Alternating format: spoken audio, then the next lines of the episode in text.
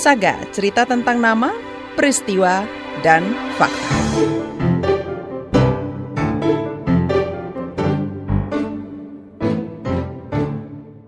Pandemi COVID-19 mengganggu banyak aktivitas peduli lingkungan. Di Banyuwangi, Jawa Timur, kegiatan daur ulang popok bayi bekas terpaksa dihentikan sementara sampai wabah mereda.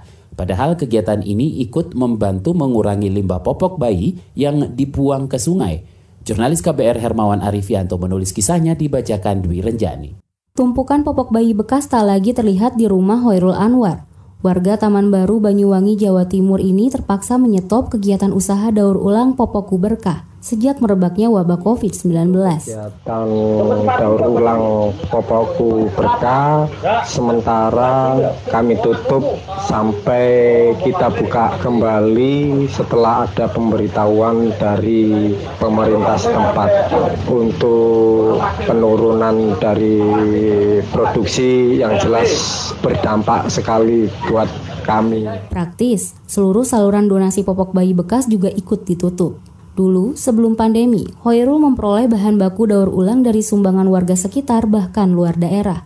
Kiriman pupuk bayi bekas itu kemudian diolah dan dijadikan beragam produk bermanfaat, mulai dari pupuk cair, kerajinan seperti pot bunga, asbak hingga alas beton atau paving block untuk donasi sudah tutup total. Kita hanya melanjutkan dari donasi yang kemarin-kemarin itu. Jadi eh, sisa-sisa donasi kemarin kita kerjakan. Nah ini tinggal apa finishing aja, cuman ngecat. Pokoknya mempercantik barang hasil daripada popokku berkah.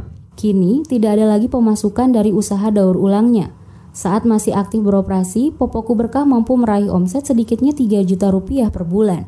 Ia sekarang malah sibuk menggalang berbagai bantuan untuk warga terdampak COVID. Ke-10 relawan Popoku Berkah juga ikut dilibatkan dalam kegiatan ini. Jadi untuk sementara kegiatan Popoku Berkah menjadi relawan bagi-bagi sembako terhadap keluarga yang terdampak dari COVID-19. Usaha daur ulang Popoku Berkah didirikan Hoirul pada Agustus 2019.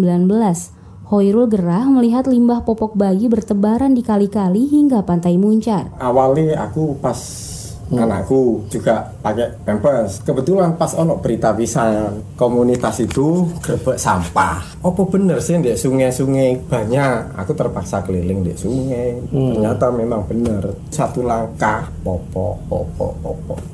Selain mencemari, sampah popok juga menyumbat saluran air yang bisa menyebabkan banjir.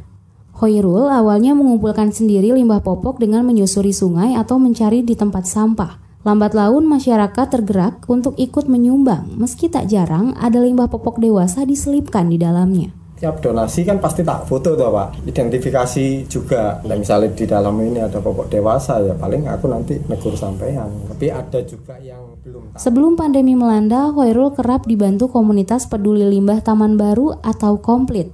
Mereka mampu mengolah 200 limbah popok bayi per hari. Produk hasil daur ulang lantas dijual tanpa mematok harga warga bisa membayar sukarela sebagai donasi untuk kelestarian lingkungan. Di misi saya yang kedua, sumbangsinya donasinya itu 25% dari pembelian produk saya. Jadi tak buat beli Al-Quran Braille untuk teman-teman difabel. Vakumnya daur ulang popok bayi bekas dikhawatirkan berdampak pada peningkatan volume sampah.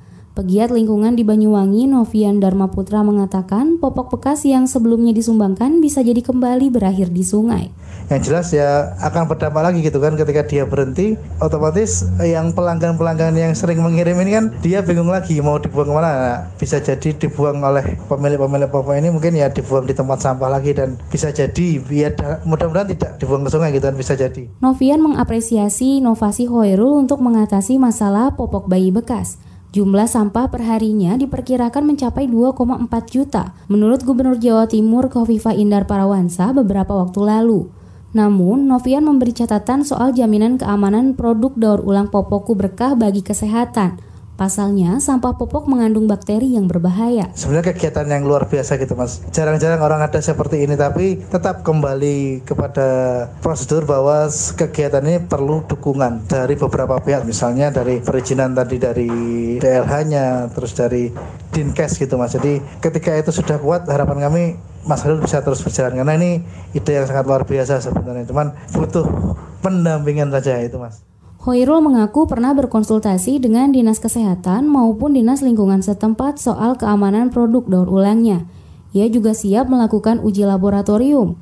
Namun hingga kini Gayung tak bersambut. Hoirul tampaknya masih harus bersabar menanti wabah corona berlalu. Setidaknya pandemi COVID-19 ini berakhir dan keadaan seperti semula. Yang jelas kita sudah konsisten, kita tetap menjaga lingkungan setidaknya khususnya limbah popok. Jadi kita tetap berkreasi dengan limbah popok. Demikian saga jurnalis KBR Hermawan Arifianto, saya Dwi Renjani.